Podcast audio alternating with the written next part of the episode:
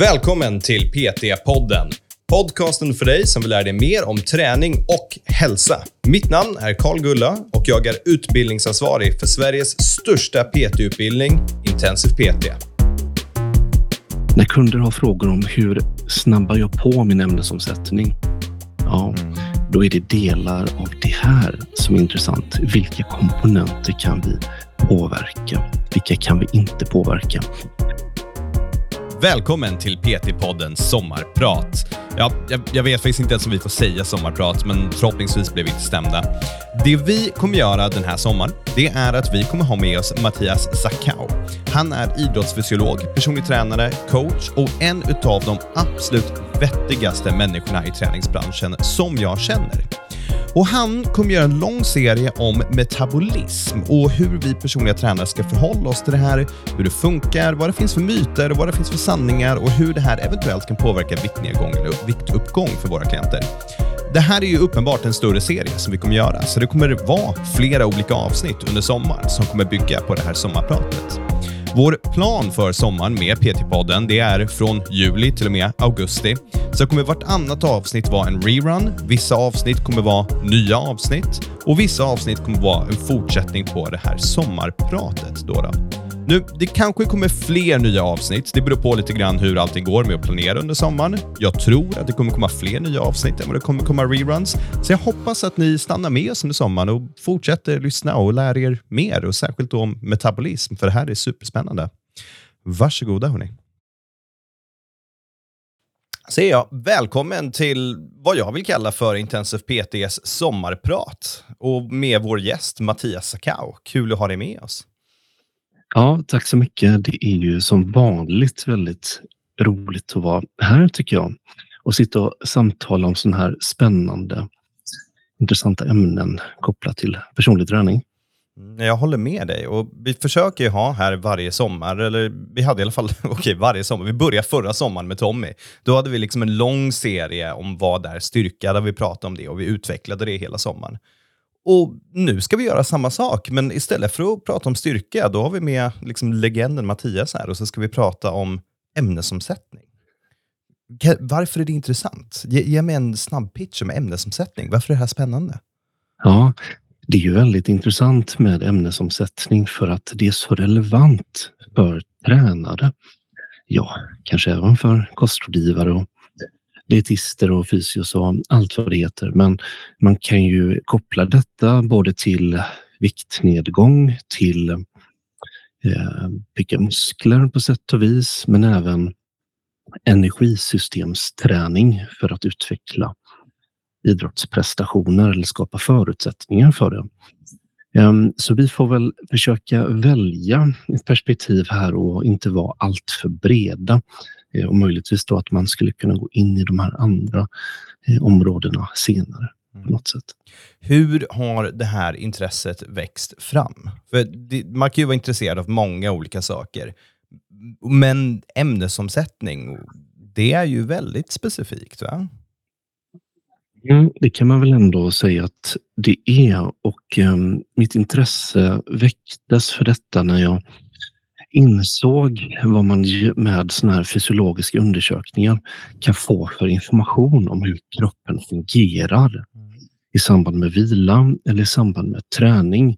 Och eh, väldigt mycket med eh, träning och teorin, den är ju ganska sådär stram och det brukar vara så när man pratar om naturvetenskap. Det är väldigt mycket så här, så här är det. Och Sen är det ofta svårt att brygga avståndet mellan teoretisk kunskap om träning och det här praktiska. Men så fick jag ju en möjlighet att testa det här med andningsgasanalyser och eh, det som jag lärde mig då, det rockade min värld eh, på något vis och det har liksom förändrat hela riktningen i mitt tränarskap. Eh, jag förstår om det låter lite extremt, men det var verkligen en sån tydlig brytpunkt för mig på något sätt. Så tror att den här serien vi kommer gå igenom då nu under sommaren, att det här kommer förändra personliga tränare som lyssnade på det här värld också? Att det kommer vara en stor grej för dem? Jag har en förhoppning i alla fall om att det här ska väcka eh, tankar och en nyfikenhet för hur kroppen fungerar. Och jag tror att även om personliga tränare i allmänhet inte behöver ha en väldigt djupgående kunskap om kemi och biologi och sådär eh, på den nivån riktigt så är det väldigt, väldigt spännande och det är väldigt eh, häftigt vad man kan göra med den här informationen när man väl har tillskansat sig den. Och en del blir lite sådär förvånade också. Det låter lite clickbaitigt kanske, men eh, det finns någonting i detta och jag tror att en del kommer nog få eh, en del av den upplevelsen med sig. Okej, okay, ja, jag är taggad. Och jag har all, alltså varenda konversation vi någonsin har haft på de här grejerna så har jag lärt mig någonting som har ändrat mitt synsätt på personlig träning. Så eh, jag är supertaggad, särskilt för att det här, om jag ska vara helt ärlig, är inte ett ämne som jag kan jättebra. Så låt oss kicka igång. Vad, vad vill du prata om? Vad, hur vill du inleda det här? Ja, du nämner här att eh, du känner att det inte är någonting som du har jättebra koll på sedan tidigare. Men faktum är att de allra flesta har ganska eh, mindre bra koll på det här, inklusive läkare och personliga tränare och till och med dietister. Men vi får nog börja med en definition av detta då, så att vi är tydliga med vad det är vi pratar om. Och ämnesomsättning eller metabolism som det kallas ibland också. Det är en samling sådana här olika komplexa kemiska processer som mm, ja, övergripande har som uppgift att ta hand om energi och näring från maten du äter. Det handlar alltså om att bearbeta detta, att omvandla, att um, ta itu och ibland även då bygga upp i vissa fall, vilket vi tänker är det som händer med muskelprotein. Mm. Och eh, det betyder att det här ämnet är väldigt, väldigt brett, men vi ska försöka eh, bryta ner det så att det blir lite tydligare och lite smalare. Så hur vill du avgränsa det? Vad kommer vara vårt fokusområde i de här olika avsnitten? I det här första avsnittet så ska vi fokusera på vad händer med fettet när det förbränns? Vad tar det vägen? Eh, det, oavsett om du går ner i vikt eller inte. Det kommer ut som svett och tårar. Det, det har jag hört många träningscitat om. Hur, hur sant ja, är det? Precis. Eh, fett är, eller vad är det man säger? Svett är fett som gråter. Men det du säger här ändå med eh, svett, det är ju en sån vanlig uppfattning. Jag tror att många tänker på att ämnesomsättning, det handlar framför allt om maten vi äter. Det handlar om nedbrytning av mat. Ja, det stämmer ju. Och majoriteten av detta det sker då genom magsäcken och tarmar kanske, där det vi äter bryts ner till mindre beståndsdelar. Men det finns faktiskt mer till detta. Eh, för att frigöra energi från maten du äter så behöver du också tillgång till syre. Var får vi syre ifrån? Jo, det är från luften du andas in. Och syret det plockas ju upp från lungorna till kapillärer och sen så skickas ju det här ut i eh, blodomloppet. Då. Mm, så att syretillgången Eh, en stor viktig del i detta. Det är alltså inte bara maten du äter. Och Sen så kan vi titta på det på lite olika nivåer. Man kan titta på det på atomnivå. Eh, man kan titta på molekyler. Man kan titta på celler vävnader och sen till slut på ja, eh, kroppsnivå. Vad händer totalt sett? Eller olika segment av kroppen om man är intresserad av det. Och ehm, en undersökning där man tittade på just det här med olika uppfattningar som finns om var fettet tar vägen när det förbränns. Eh, och där så frågade man eh, bland annat då läkare, tränare och dietister eh, I den här undersökningen så såg man att mer än 50 procent av de tillfrågade, de tror att den här energin som förbränns, den blir då mm, den blir energi. Det är alltså en produktion av energi och det resulterar i värme. Det resulterar i värme. Är det här någon uppfattning som du känner igen? Ja, men det är väl liksom det här citatet som vi varit inne på tidigare. Men det, för energi kan ju bara omvandlas. Det blir energi på något annat sätt. Så någonstans måste det ju ta vägen.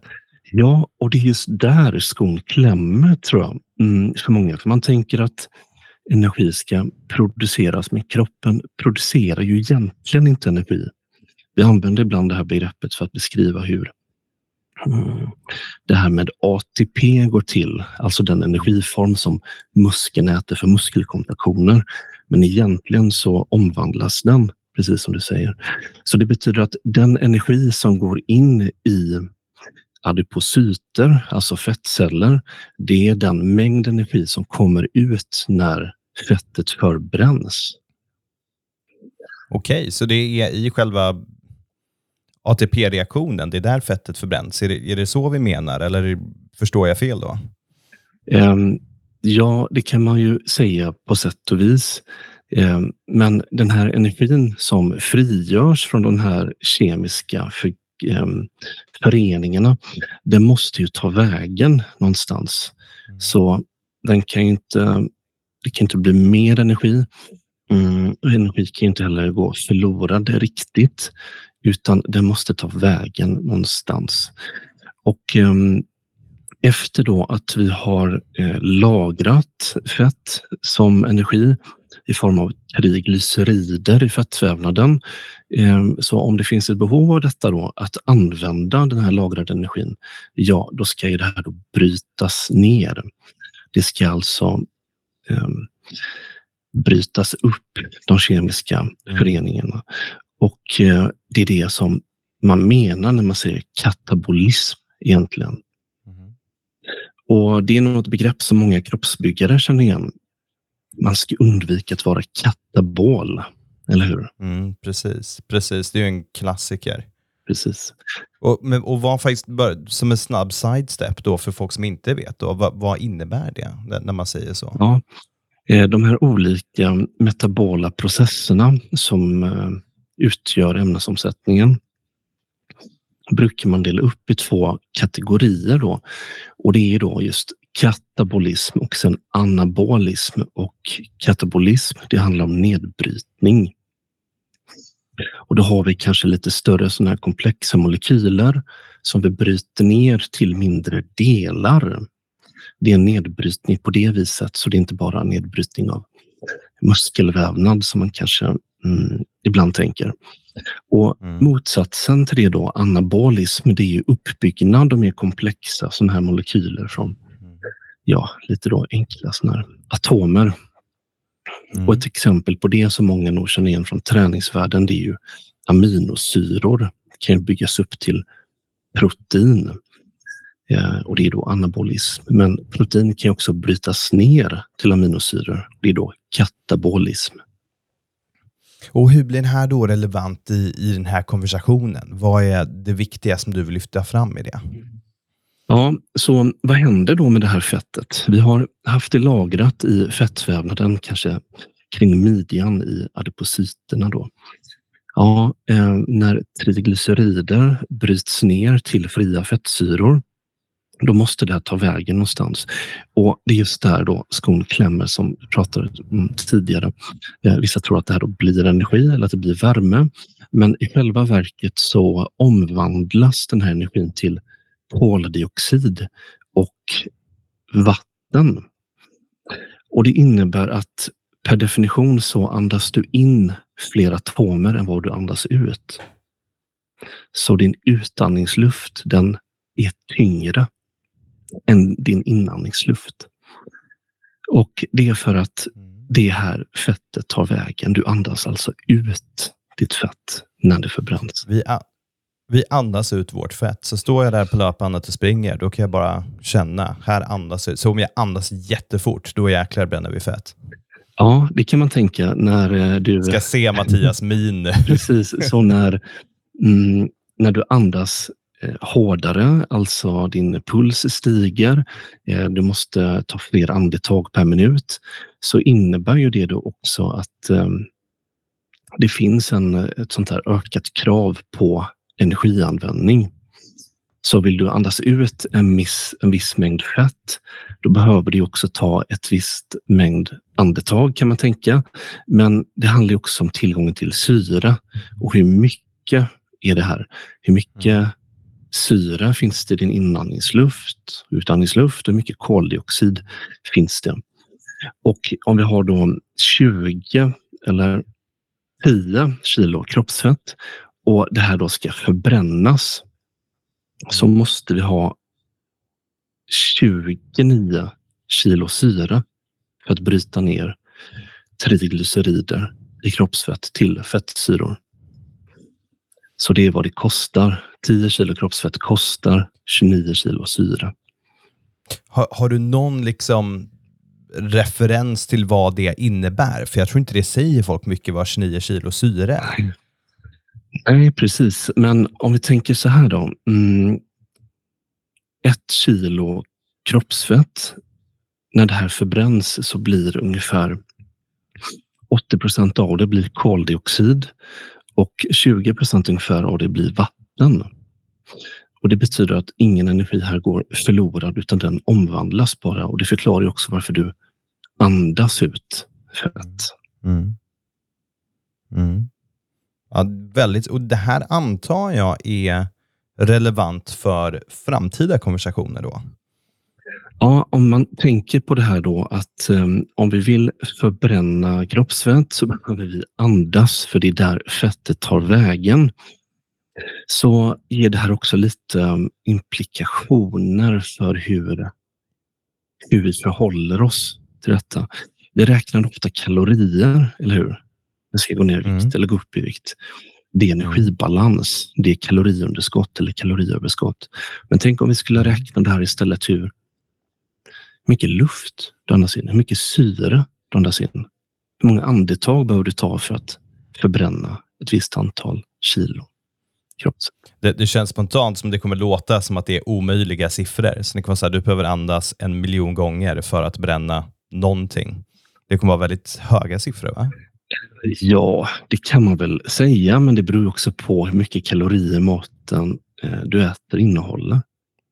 Mm. Så har du mat som innehåller väldigt mycket kalorier så betyder det att då tar det ju längre tid att förbränna detta.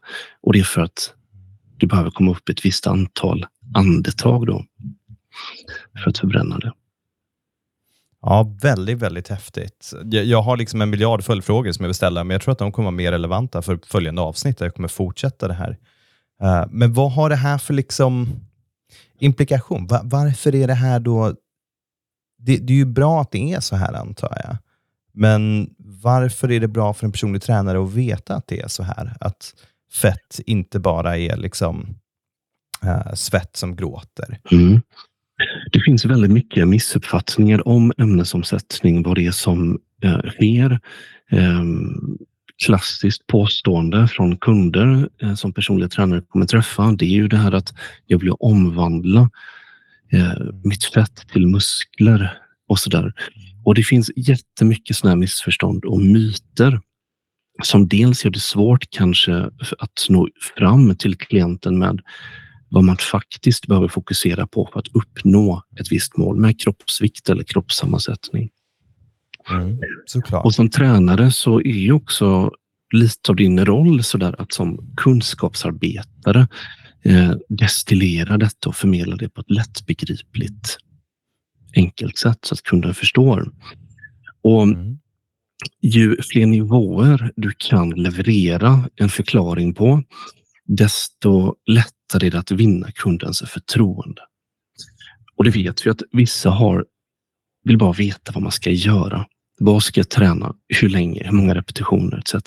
Medan vissa vill ha en lite mer detaljerad beskrivning och förklaring. Men varför ska vi göra på det här viset?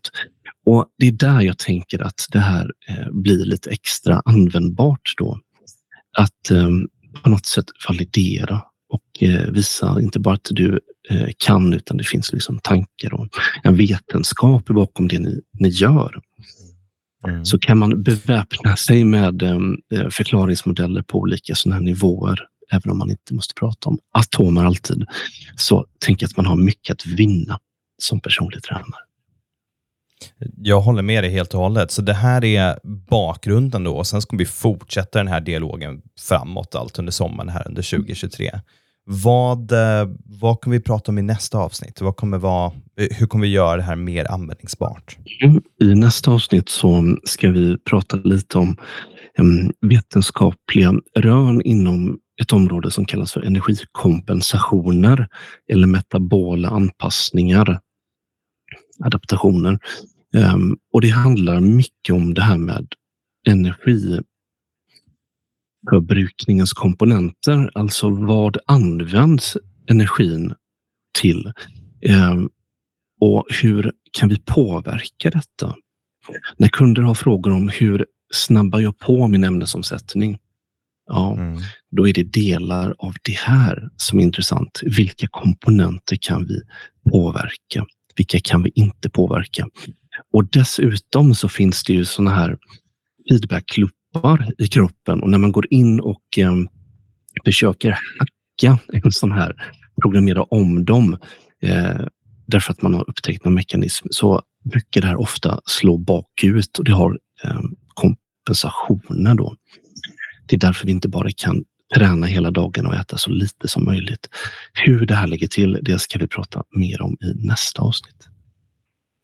Så att kunna svara på de här frågorna när man har en kompis som kanske säger att de äter allt som finns, men aldrig händer någonting med deras kroppsvikt, till exempel. Nu kommer vi ha lite mer information och kunna faktiskt prata med dem om det och förklara hur det ligger till. Ja, verkligen. Så där har man mycket eh, som man kan beväpna sig med och förklaringsmodeller också. Ja, det blir spännande. Ja, då låter vi den cliffhanger så och så eh, hoppar vi vidare så får ni som lyssnar på det här bara sitta tålamodigt och vänta in på nästa avsnitt. Ja, vi hörs igen nästa gång. Tack Mattias. Nu vill jag bara påminna hur sommaren kommer se ut för PT-podden. Mellan juli och augusti så kommer vartannat avsnitt vara en rerun. Eller inte. Det beror lite grann på hur många avsnitt vi faktiskt spelar in under sommaren. Förmodligen kommer fler avsnitt vara nya, så det kommer alltså inte vara vartannat avsnitt som blir en rerun.